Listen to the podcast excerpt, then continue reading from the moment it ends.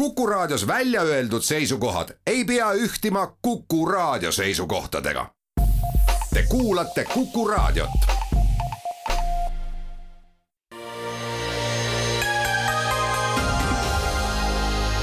poliitikakuru.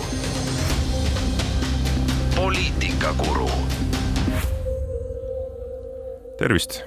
tervitame kõiki kuulajaid valitsuskriisi viiendal nädalal või ehk nüüd juba oleks õigem öelda, et sellise üldise poliitilise ebastabiilsuse viiendal nädalal, et, et valitsus on meil ju praeguseks mitte kriisis enam, vaid väga üksmeelne, et koosneb ainult Reformierakonna ministritest ja täna löövad saates kaasa Liisa Past. tere! Eerik Moora. tere! ja Tõnis Leht, aga selle kriisi ja poliitilise ebastabiilsuse ja lahendu-, lahendusvõimaluste üle arutama hakkamegi. Eerik, et eh, mis su hinnang on, kuhu me, kuhu me jõudnud oleme, et, et kas Kaja Kallase otsus Keskerakonna ministrid eh, valitsusest välja juhatada või kupatada, oli, oli see põhjendatud, et vahetu ajend oli selleks ju siis Keskerakonna ja, ja EKRE eh, siis blokeerimine alushariduse seaduse eelnõule Riigikogus, mille enne oli valitsuses äh, heaks kiitnud terve rida Keskerakonna ministreid. ei no tegelikult faktiliselt oli ju äh, Keskerakond koalitsiooni siiski sisuliselt lõpetanud oma mm, kogu selle nagu mänguga mm, äh, eelnõude esitamisega opositsiooniga koos valitsuse nii-öelda tahte või valitsuses kokku lepitu vastu. Ähm,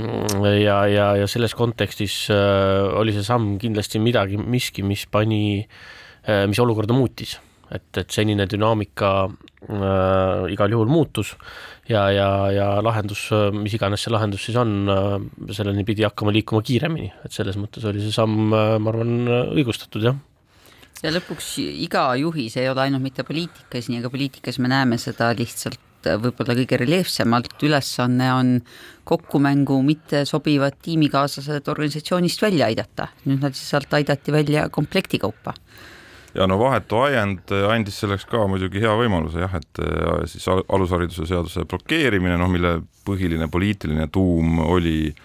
lasteaedades eestikeelse õppe nii-öelda oluline suurendamine lähiaastate jooksul, et jah, see andis nagu väga hea poliitilise ettekäände äh, maalida siis Keskerakonnast ja siis ka EKRE-st nii-öelda äh, venekeelse valija ja, ja eestikeelse hariduse, venekeelse valija nii-öelda soosija ja eestikeelse hariduse vastase nii-öelda kuvandit, et see oli kindlasti nagu kingitus, et ilma selle ajendita ma julgeks väita, et see, see samm ei oleks võib-olla nii kiiresti juhtunud. no ei, ei oska öelda, kas see, mis see üks, üks või teine täpne nagu seal ajend on, eks seal sisemine suhtlus käis, käis veel ja, ja, ja kui oli selge, et et, et äh, valitsust hoida ei õnnestu ja et sellist soovi äh, pole. Ja, ja et kui oli soov kinni pidada oma soovist, oma, oma või sellest varem välja öeldud lubadusest, et, et seni, kuni eelmine koalitsioon on veel olemas, ähm, uut äh, looma ei hakata või uusi läbirääkimisi paralleelselt selle kõrvalt ei peeta ja kuna faktiliselt olid ikkagi juba päris paljud äh, Reformierakonna liikmed äh, noh, niikuinii juba pinda sonteerinud, et mi, mis siis äh,, millis-, milliseid võimalusi on või mida teistes erakondades mõeldakse, siis äh,, siis oligi vaja äh, see, tekitada see võimalus või see hetk, et, et kus kõik saaksid nagu hakata avatult siis uut valitsust looma kui vana on silmnähtavalt laiali juba mitmendat nädalat. mis küll läheb vastuollu paljuski selle sellise poliitilise rahvatarkusega, et et see vana ja uue kaevu sülitamise asi ehk et äh, ära vana valitsust laiali saada, enne kui sul uus on kokku lepitud no,. valija kord... osas on see läbipaistvus kindlasti, kindlasti ausam seekord, kui, kui ka see kokkulepe kellelgi mingil kujul kuskil mingil tasemel oli, siis paistab, et, et sellest eelmise reede sammust saadik igal juhul nagu käivad ikkagi kõikjal sellised nagu päris läbirääkimised, ehk siis kui ka, kui ka kokkulepe oli, siis, siis see ei olnud selline ja niivõrd fikseeritud, nii kindel ja selge, et, et et, et oleks, et teda tuleks lihtsalt nüüd ellu viia, ära vormistada. enne kui me hakkame vaatama neid edasisi stsenaariume, kuidas ja millised koalitsioonid võiksid tekkida või, või on, on ka uuele võimalikule koalitsioonile mingis, mingeid teisi alternatiive, erakorralised valimised näiteks, et siis annaks korraks hinnangu, et kes siis nagu praeguses segases seisus selle nii-öelda kelle narratiiv praegu valitseb, et kes on praegu valitsuse, ütleme siis lõhkumise töös või valitsuse muutmise töös noh, laiema avalikkuse silmis nii-öelda õigel poolel ma ei oska öelda, mis on õige pool ja mis on siin vale pool. no et... ütleme, ma kitsendan, kes on e-, vähemalt siis enda valijate silmis õigel poolel, see on kõige tähtsam alati erakondadel. no selle nimel pingutavad mõlemad ja ma arvan, et võivad olla ka võivad, võivad olla ka mõlemad. ausalt öeldes ajal, kui noh, nagu sa oma sissejuhatuses ka viitasid, ainuke asi, mis on kindel, on ebakindlus ja samal ajal on lisaks maailmapoliitikale ja, ja rahvusvahelisele majandusele, millest me ilmselt siin tunni sees veel räägime, on muuhulgas Eestis saabunud ka esimesed ilud, ilusad suvepäevad ja kuuldavasti Lõuna-Eestis on järvi, kus veetemperatuur läheneb kahekümnele kraadile. ei tasuks üle müstifitseerida asjaolu, et äh, küll veidi vähem kui aasta enne valimisi istub valija ja pingsalt mõtleb, milline on tema selle nädala toetus äh, tema eelmisel korral või järgmisel korral eelistatavale erakonnale et siin on nii palju elu ja, ja muud poliitikat ja ka rahvusvahelist majandust ja julgeolekuküsimusi on sõitnud sisse, et äh, noh, neid gurmaane, kes mõtleks poliitilise eelistuse peale praegu nagu akuutselt või püsivalt on, ma arvan, vähem kui meie üks on eelistus, aga, aga jah, ma arvan siiski needsamad asjad, mis sa praegu loetlesid, kõik need ähm, ärevust tekitavad asjaolud, aga ennekõike siis ikkagi äh, konkreetselt meie piirkonnas käiv sõda ja, ja, ja noh, järjest vähem ju äh, ka oma sõnavõttudes äh, varjab Vladimir Putin, mis, mis ta mõtted või plaan on, kui ta just eilne eilne sõnavõtt ähm, seletas, et me oleme, et nad näeb, et, et äh, Venemaa või vene rahvas on jälle siis selles samas faasis, kus tuleb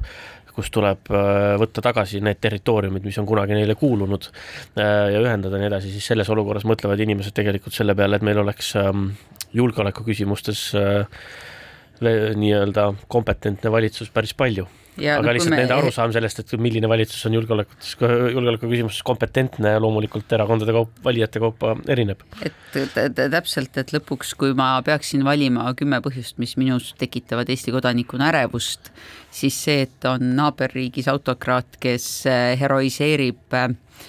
eelnevat eh, tsaari, kes omakorda võttis Peterburi ja üritas jõuda, võtta ka Narva, on minu jaoks veidi nagu ärevust tekitavam no üks asi ainult on täiesti selge ja kindel sel nädalal, et et kõik parlamendierakonnad käivad eh, Kosjas eh, Isamaa juures. Ja ja see, milline koalitsioon meid ees ootab, tõepoolest ju, kas see sõltubki siis põhimõtteliselt sada protsenti eh,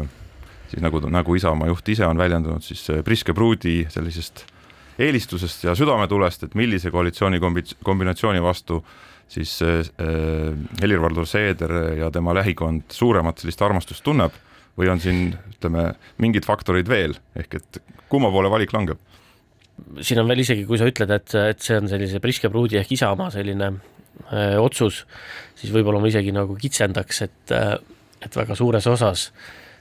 võib see olla, et see on just Helir-Valdor Seedri isiklik otsus äh, lõpuks veel isegi mitte kogu erakonna või, või juhtkonna. Ähm, ja Helir-Valdor Seedril on siin peamurdmist kõvasti, ta peab päris paljusid asju arvesse võtma, ma arvan, ja ma arvan, et ta on seda ka sellel nädala jooksul äh, juba teinud, vaatamata sellele, et ta vaeseke on just taastumas operatsioonist ja asub haiglas, nagu ka Kuku raadio kuulaja just hetk tagasi võis põhjalikult kuulda ja kohe kindlasti on see selline olukord, kust Isamaa ja siis eelnevalt Res Publica oskab võtta välja maksimumi. Nende kõige suurem tugevus Eesti poliitmaastikul on ju see, et suhteliselt ja mitte ainult rahaliselt pankrotis Res Publica müüs ennast maha kasudega on ju Isamaale. kõikidel valimistel peaaegu on nad suutnud võtta võtta suurema häältesaagi, kui on nende toetusprotsent ja ka see, see on see olukord, kus nad on jällegi suutnud enda siis üledimensioneerida või üle võimendada oma positsiooni. Ja see selline kiire mobiliseerimine ja siis kiire tulemuse sissevõtmine on kindlasti see, milles Isamaa on Eesti poliitikas suhteliselt unikaalselt võimekas, selle juures on teatud sellise sisemine enesekindlus ja võib-olla isegi jultumus oluline, et seda realiseerida, aga see on see, kus see poliitiline jõud, Isamaa siis äh, on kõige tugevam. no vaieldamatult ja see nädal on tõstnud Isamaa esile, tõenäoliselt on see olnud täidetud ka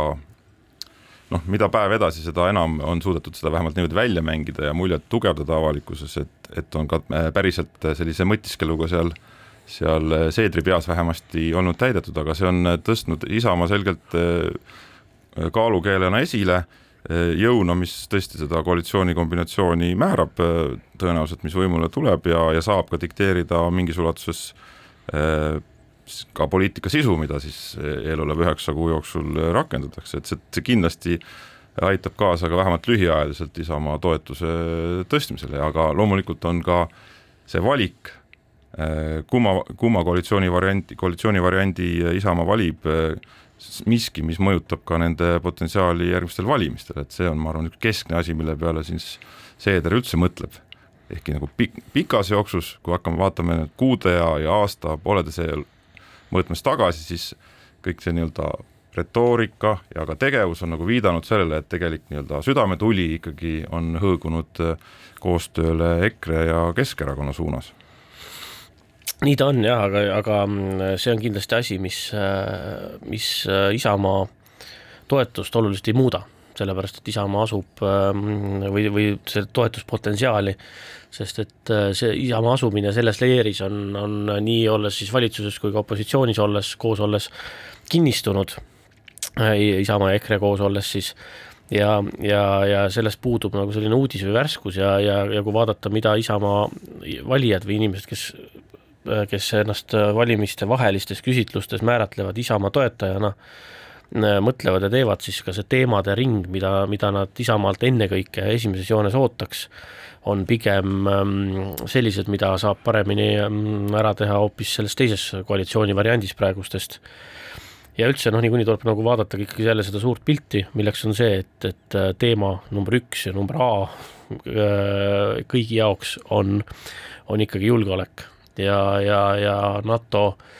kohalolek siin, NATO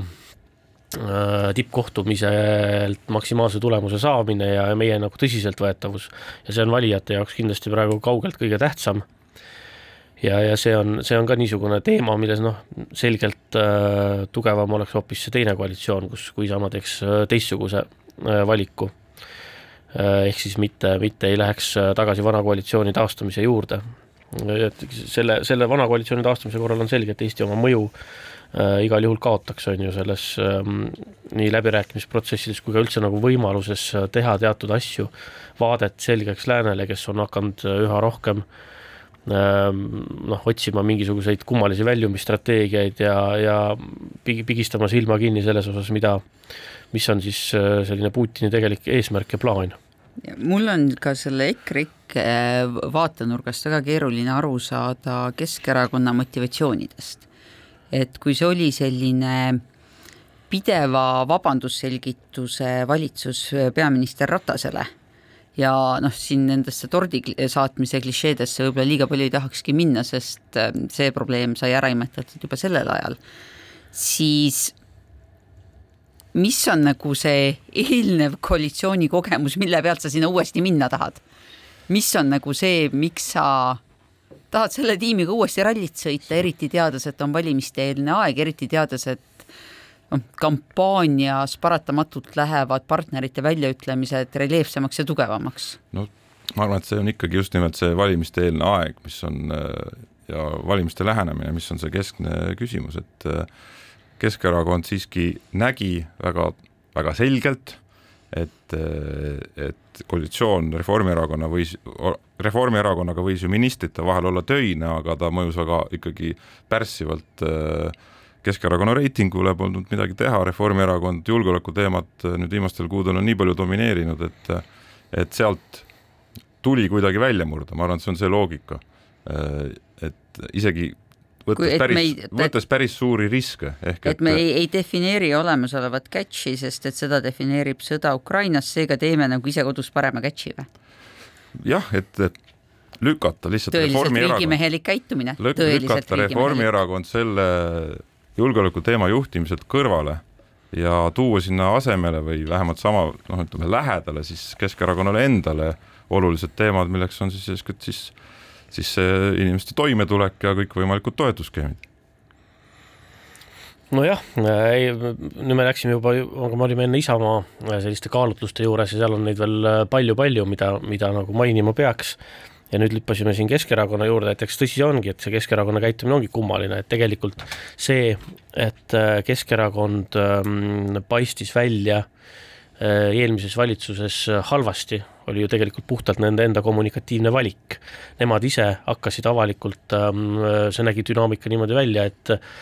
et äh, valitsus kuulutas oma ühised otsused välja, mida kaitsesid valitsuse pressikonverentsil kõik ministrid, kes seal olid ja selgitasid neid äh, hästi ja hiljemalt esmaspäeva mingisuguseks õhtupoolikuks või asjaks oli, mm, oli äh, Keskerakonna siis pärisjuhid teinud selgeks, et see on väga halb see kõik on väga halb ja see ei sobi. ja siis äh, vaieldi kaua suurema või väiksema eduga, sageli nad said, mis nad tahtsid, aga siis ka sellisel juhul nad ikkagi alati jätkasid seda seletamist, et see küll on väga vilets, mis, mis me siit saime. ja lõpptulemus ongi see, et äh, loomulikult äh, valijal on, ongi tunne, et, et äh, nad ongi seal valitsuses ja te, te, sealt tuleb ainult kehva asja ja nad lisaks sellele ei saavuta ka, mis nad tahavad, kuigi kuigi neile järeleandmisi tehti ju äh, palju ja, ja, ja nii edasi, et see, see, see olukord, see madal toetus, äh, ma arvan, oli väga suuresti niisugune iseendale äh, tehtud haav.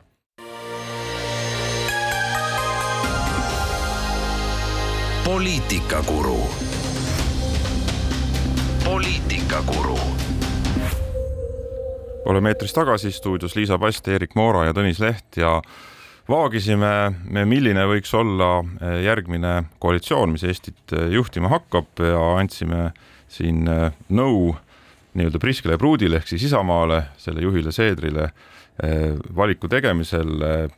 andsime nõu, miks valida Reformierakonna ja sotsidega koalitsioon, aga noh, vähemalt sama väga lähedane tõenäosus on, et valik langeb ju Isamaal siis EKRE ja Keskerakonna poole mis motiivid võiksid Isamaa nii-öelda jaoks eelistada just, tuua esile just selle koalitsiooni? noh, esiteks on seal, tundub, et seal on selline nagu turvatunne isiklike suhete ja kuidagi selliste nagu hoiakute ühtsuses, et nad on koos töötanud seal ähm,. Neil kuidagi kõhutunne on või selline sabatunne on, on, on selline, et et, et, et koostöö siiski nagu klappis, vähemalt räägivad nad seda tagantjärele, kuigi valitsuse ajal, nagu Liisa väga õigesti meenutas, oli seal ähm, häda, häda kohe kõvasti, noh, kõige suurem pluss ilmselt on see, et, et see on ikkagi äh, suhteliselt nagu võimalus kulutada raha piiritult, et ilma nagu mingisuguste selliste tõkete või, või piiranguteta äh, maksta omadele, maksta kõigile küsijatele ja nii edasi, et see ongi ju mõnes mõttes olnud tegelikult sellise nagu Keskerakonna valitsemise äh, loogika tuum ongi see, et äh, ja ka, ja ka praeguste valitsuskonfliktide ähm, tuum on olnud see, et äh, tahe küsimise või, või esimese signaali peale alatigi tõtata siis äh, riigi rahaga seda ka siis küsijale andma või, või mitte küsijale, vaid, vaid ka mm, äh, gruppidele, kes, kellel tundub, et võiks anda. ja, ja see, see, et kindlasti selle EKREIKE koalitsiooni taastulemise puhul on, tõenäosus, et selline nagu üldine rahasadu äh, võib olla veel suurem ja selline nagu võib-olla mõnes mõttes süsteemitum või, või, või, või mõnes mõttes niisugune just lühema vaatega. seda on, on just ennekõike siin Keskerakonna nõudmised ja soovid ju pidevalt rõhutanud ja teised erakonnad äh, ka toetanud. siis on noh, veel plusse räägib see, et, et siin olles opositsioonis äh, paljudel teemadel, sealhulgas siis energiakriis ja ja nii edasi, äh, tuli Isamaa välja väga mitmete selliste algatustega, mida tõenäoliselt on sellised, mis sageli olid sellised ad hoc või, või sellised kiire reaktsiooni algatused, ma arvan, et nende äh, kui teda tahta jääda nende juurde kindlaks täpselt ja neid nagu üks-ühele ära teha, siis, äh, siis ka see koalitsioon on selles osas äh, nagu lootustandvam, et ja, no. need, et ikkagi vaidlused, mida on viimase kahe või pooleteise aasta jooksul peetud, need kanduvad, äh, kanduksid vastasel juhul nagu valitsusse edasi. jah, et kui paneme need teemad nagu ritta, praegu on selline olukord, et Isamaa saab oma olulised teemad panna ritta ja valida, kellega siis neid paremini või rohkem teostada oleks võimalik, siis EKRE ja, ja Keskerakonnaga koos oleks võimalik peretoetuste eelnõu sellisel kujul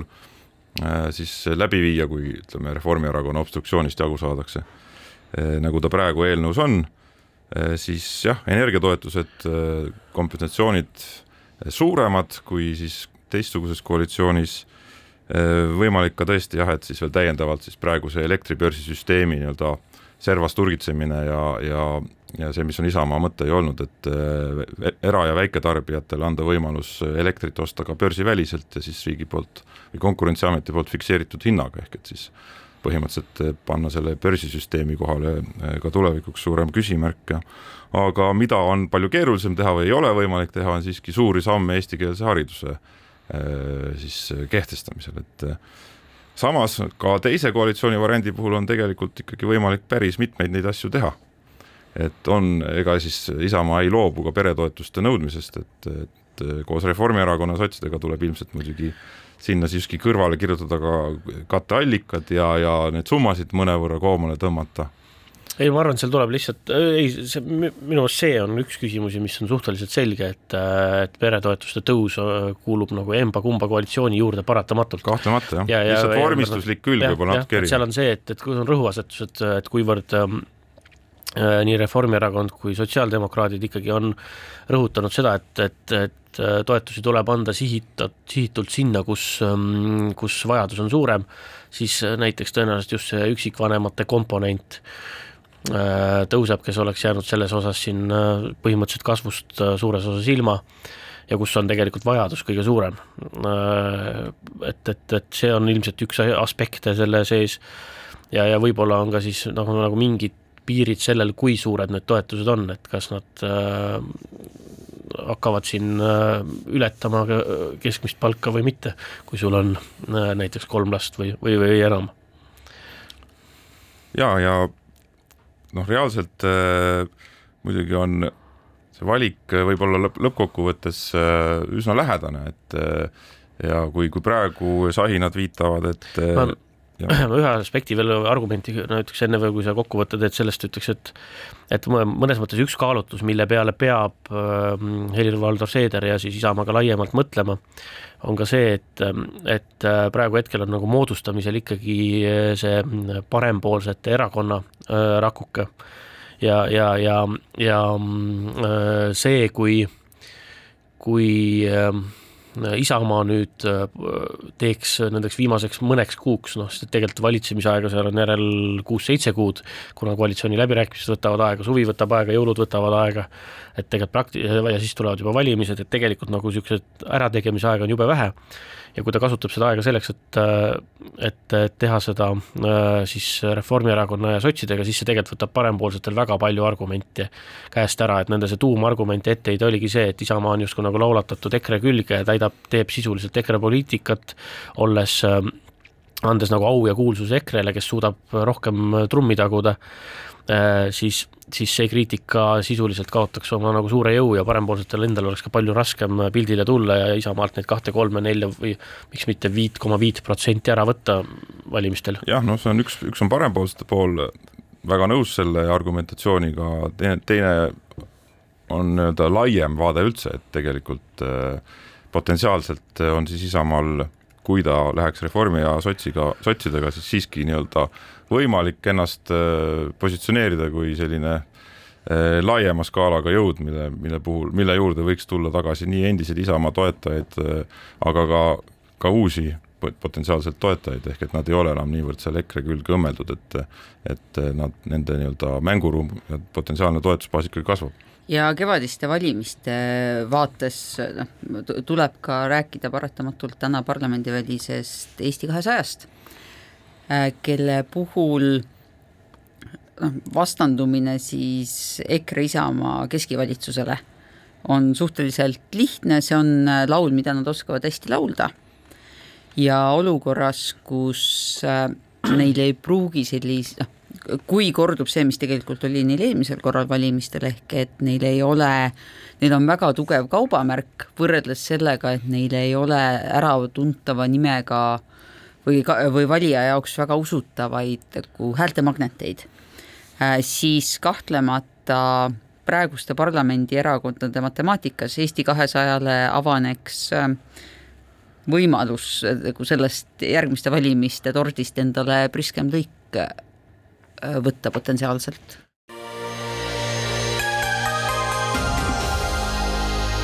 poliitikakuru.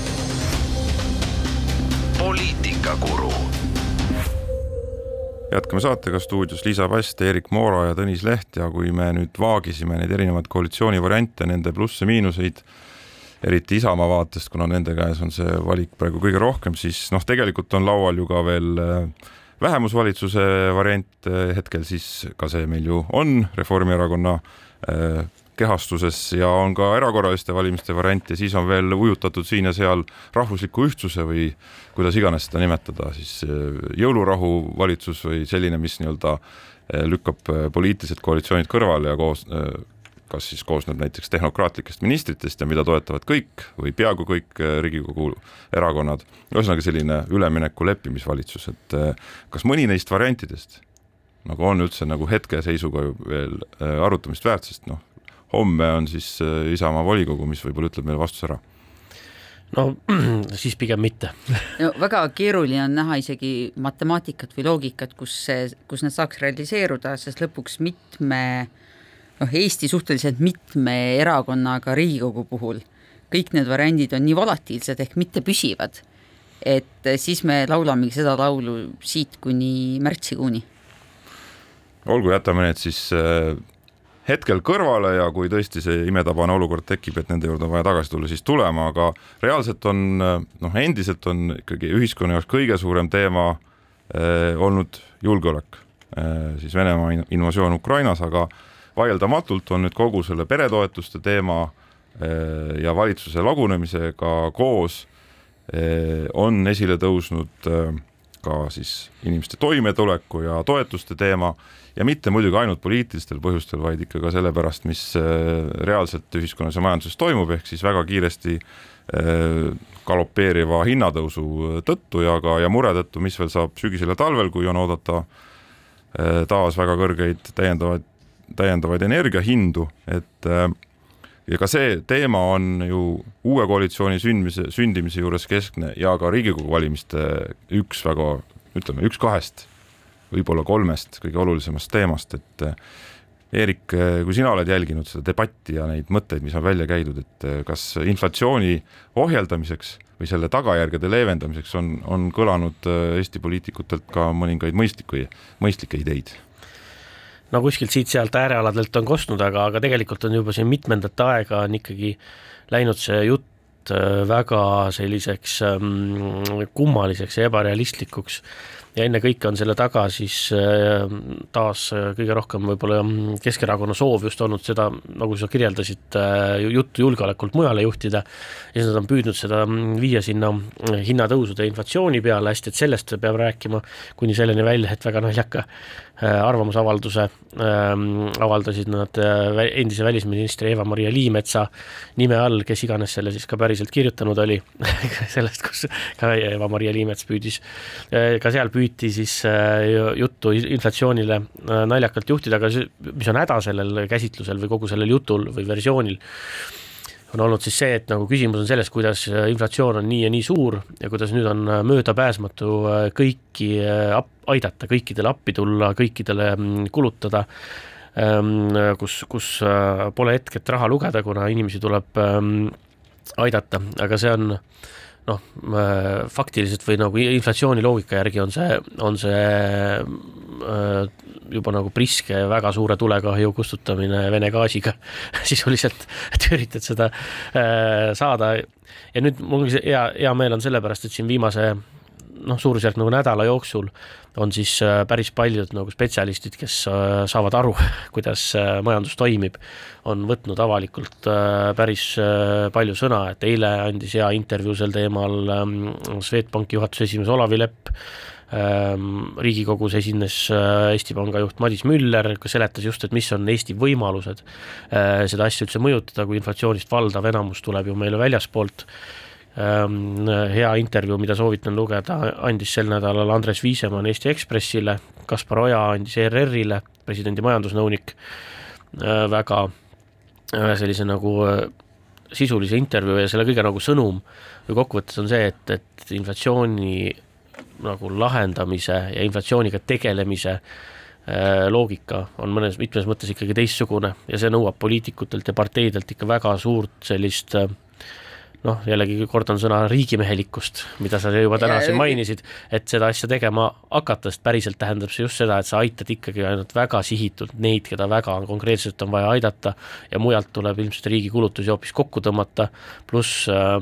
reaalselt ei pääse sellest, et intressimäärad äh, mis on, mis ei ole Eesti-sisene küsimus, Eesti-sisene, siseste otsuste küsimus, need intressimäärad peavad päris tuntavalt tõusma lähi ja no selles osas on juba Euroopa Keskpank hakanud siis, kelle võimuses on päriselt inflatsiooni probleemi või seda teemat nii-öelda lahendada või mõjutada jõuliselt, on, on ju ka nüüd sel nädalal need signaalid väga tugevalt andnud et.... no väga tugevalt ma ikka ei ütleks, kui jutt oli, et juulis tõstetakse null koma kakskümmend viis protsenti baasintressi. null koma viis protsenti. siis null koma viis otsa. aga võrreldes sellega, et kümme aastat pole seda või rohkem pole seda üldse tehtud, siis see on siiski minu meelest väga tugev no, sõnum. no ja Euroopa Keskpanga kohta sõnumi puhul tuleb paratamatult vaadata ka, ka ütlejat ja lisaks sellele, et see universaaltoetused ei, on nagu inflatsiooni kontrollimise loogikaga otseses äh, vastuolus, ei aita see ka ju lõpuks neid, keda tegelikult on vaja aidata. Äh, kui me vaatame hinnatõusu vedajaid, siis need suuresti on lõpuks inimese või tarbija, Eesti inimese seisukohalt on sundkulud. sul ei ole kontrolli selle üle, kuidas sa bensiini hinna äh, Äh, koduga seotud kulud, kaasa arvatud siis äh, kodulaen ja selle võimalik intressitõus, väga lihtsalt, äh, kui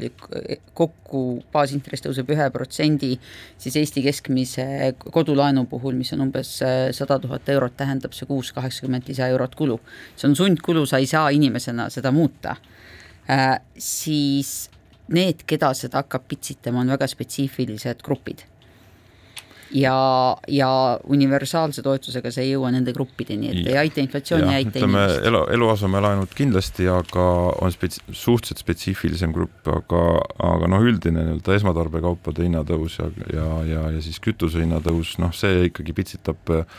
kõiki ja loomulikult ta pitsitab päriselt neid, kelle sissetulekud on, eks ole, väiksemad, et ja aga noh, me näeme juba seda, et inimesed muudavad ka oma tarbimisharjumusi. aga juba... on väga suur vahe, et kas sa muudad oma tarbimisharjumuse sellele, et kui palju sa ostad, on ju hormoonivabalt kasvatatud äh, vabapidamisel Norra lõhefileed, sest et see on vahepeal kahekümne viielt eurolt kolmekümnele eurole läinud kilohinnaga versus äh, noh, baasvajadused mm. -hmm, absoluutselt jah, aga see jutt käitumiste muutusest äh, on ka nagu nii ja naa, ma arvan, et siin tulebki vaadata siis valdkonna ja asja põhiselt ja, ja, ja, ja nende valikute põhiselt, nii nagu ka Liisa viitas, sest et tegelikult ähm, äh, ikkagi tuleb öelda, et, et seni, nii kummaline kui see ka pole, siis tegelikult väga järsk inflatsioon äh, ei ole kaasa toonud äh, äh eratarbimises langust. Ja mitte ainult, me ei räägi sellest, et eratarbimise rahaline maht on kasvanud, äh, see on kasvanud kakskümmend üks protsenti, see rahaline maht, aga tegelikult on ka Ehm, esimeses kvartalis kasvas ka see inflatsiooni arvestades, ehk siis vaatamata sellele, et hinnad tõusid, siis tegelikult majapidamised said endale rohkem lubada ja lubasidki. no me et, oleme Covidi, Covidi see... surutisest väga hästi ja kiiresti välja tulnud, aga noh, eks me nüüd ikkagi, kuna see hinnatõus on olnud nii kiire ja hinnatasemed on jõudnud nii kõrgele, et siis me ikkagi tegelikult hakkame inimestel reaalselt seda tarbimiskäitumise muutust nägema, et noh, on välja toodud ka juba kütuse kütuse tarbimise vähenemine siin eh, eelmisel kuul juba kümme, miinus kümme protsenti, et, eh, et noh, ja ja mille, millega on kaasnenud siis ka esimesed märgid ka positiivsest käitumise muutusest, et äh, käiakse, kasutatakse rohkem ühistransporti, et see on. küll ta mõjutab ka koroonapiirangute. aga, aga ma lihtsalt, mis ma tahangi öelda, see, et see, et üldstatistika näitab, et kaupade kasutamine mm,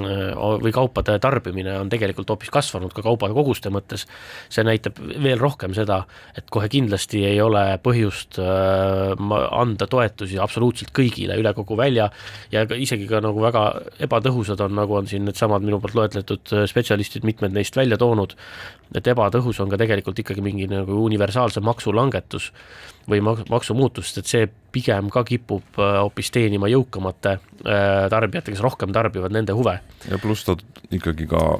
ja, võib, võib endiselt nii-öelda toetada just seda hoogsamat tarbimist. pluss paneb väga suure paugu siis riigieelarve, noh näide on seesama, et äh, kütuse hinna aktsiisilangus, kui teha näiteks kümne sendi võrra aktsiisi langetada, siis äh, kütuse hind äh, tanklas kukub väga vähe, noh, seal ma ei tea, alla viie protsendi on ju, ja, ja, ja inflatsioonile mõjub see väga vähe, et alla poole protsendi Äh, tervikuna inflatsioon langeb, aga riigieelarvele äh, tähendab see väga suurt pauku. et selles mõttes ongi, need ei ole nagu omavahel proportsioonis. jah, aga meil seisavad ees valimised, olgu need siis erakorralised, tõenäoliselt küll mitte, aga, aga lähiajal on korralised valimised, need, need teemad see, et lubatakse hoogsat nii-öelda toetusskeeme ja, ja maksulangetusi ja see saab olema, ütleme, keskne, keskne temaatika ja ma arvan, et liiga palju siiski neid eh, sinu poolt tsiteeritud majanduseksperte selle kampaania käigus ja lubaduste kujundamise käigus ei kuulata. ma väljendasingi suurt rõõmu, et eh, lihtsalt need arvamused on nüüd vähemalt pilti tulnud. just, aga teeme pausi.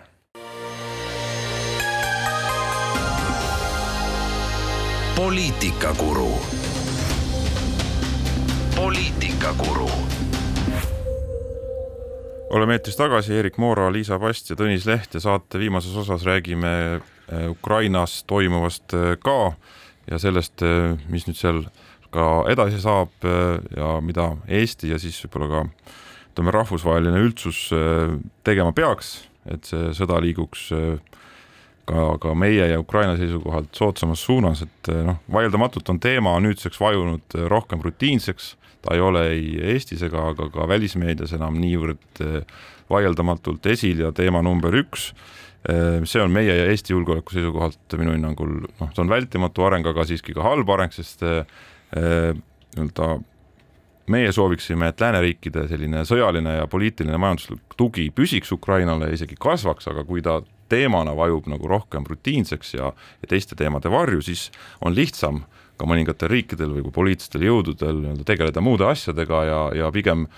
eh, liigutada seda fookust sinna suunas, et, et survestada Ukrainat eh, tegema, ütleme, talle ebasoodsamat eh, vaherahu ja nii-öelda konflikti lõpetama või külmutama, et Liisa, kuidas sina seda konflikti arengut praegu näed, et et mida tuleks teha, et, et selline areng ei, ei toimuks, et Ukraina vajub tahaplaanile ja toetus tegelikult ka väheneb? sellest, kuidas on Ukrainale appi mindud ja kuidas on Ukrainale appi näinud needsamad ka noh, Eesti ja siis meiega sarnased või samameelsed lääneriigid, kes usuvad, et õigusriik on hea ja okupatsioon on halb. Äh, see tegelikult annab kaks hästi julgustavat äh, trendi, mis äh, loodame, et jääb püsima. üks neist, millest me oleme ka muuhulgas juba mõned kuud tagasi siinsamas saates rääkinud, on see selline avatus ja läbipaistvus ehk luureinfo avatult jagamine, see, et inimesed kogevad seda sõda otse läbi kas sotsiaalmeedia, läbi Ukraina sõprade. aga mida see tänaseks on tähendanud, on see, et siis paljud riigid ja ka ettevõtted muuseas äh, siis selles küberkomponendis just, et see avatus või läbipaistvus, mis on olnud kogu külma sõja vältel ja ka hiljem selline loosunglik, et noh, loomulikult me usume avatusse ja läbipaistvusesse, aga me oma infot jagame siis, kui sina enda oma jagad esimesena,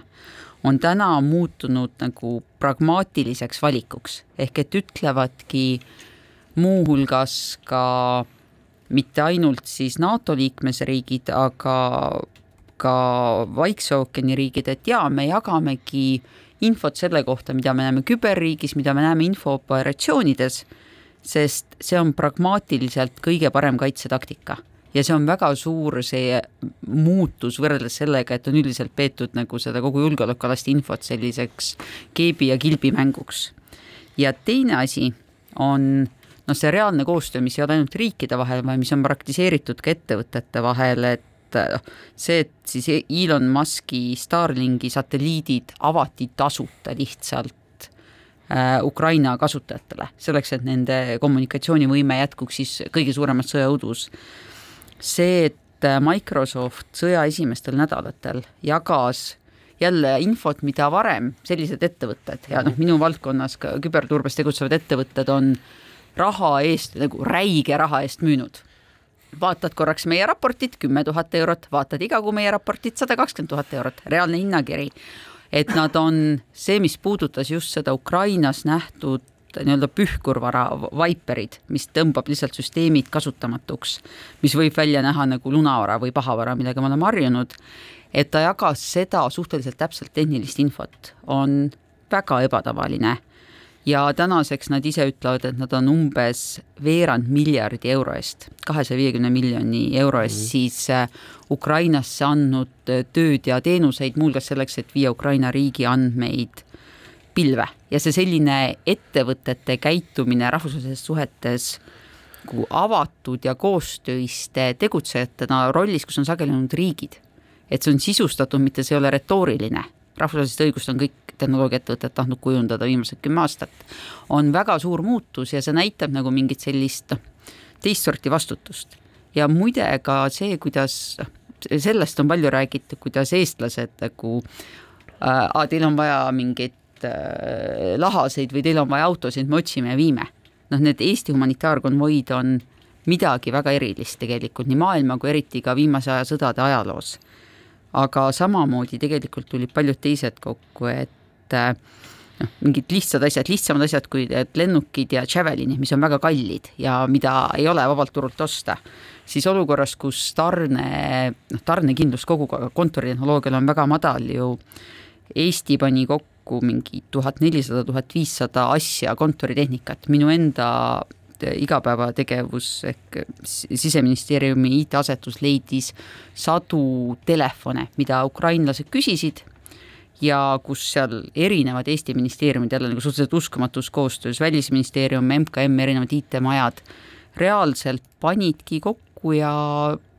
kuu ajaga viidi Ukrainasse tohutu hulk sellist igapäevaselt vajalikku tehnoloogiat ja see on väga, see ei ole normaalne, me ei ole eelmistest sõdadest nii mõelnud, ma väga loodan, et see jääb alles jah, ainuke küsimus on nüüd see, et kuidas see nagu tõlkida siis sellesse, mida täna kõige rohkem vaja on, ehk siis et ikkagi raske relvastus, raske moon, äh, mille, mille kriisis Ukraina tegelikult on ja mistõttu need lahingud on ka niivõrd äh, rängad praegu, et, et, et äh, oma, oma kahu, kahuri või siis nii-öelda siis suurtüki niisuguse ropu, robustse ja toore raua äh, pommitamisega mm, suudab Venemaa praegu ikkagi Ukrainale päris nagu äh, suurt hinda ja survet anda. Ja just selles kontekstis on küsimus, kuidas see ettevõtete äh, ja, ja ühiskondade selline nagu kollektiivne arusaam ja pingutus tõlkida sellesse, et, et ka Lääne-Euroopa riigid äh, oma relvaabi andmisel oleksid nagu hoopis jõulisemad. ma ei, isegi Prantsusmaa kohta ei saa, ühesõnaga Macron ja Scholz ei ole üks ja sama, sest et Prantsusmaa masinad teevad Ukrainas väga head tööd Äh, Prantsusmaa pikamaa suurtükid ja Caesarid ja, ja kõik veel. aga, aga kahjuks on kurb tõde, on see, et raskerelvastust pole Saksamaalt äh, jõudnud ähm, vaatamata lubadustele Ukrainasse mitte ühtegi ühikut ma arvan, et ainuke moodus ongi seda meelde tuletada ja esile tuua pidevalt ja jõuliselt, aga teeme siinkohal saatele äh, lõpu ja oleme taas kuulda nädala pärast. poliitikakuru poliitikakuru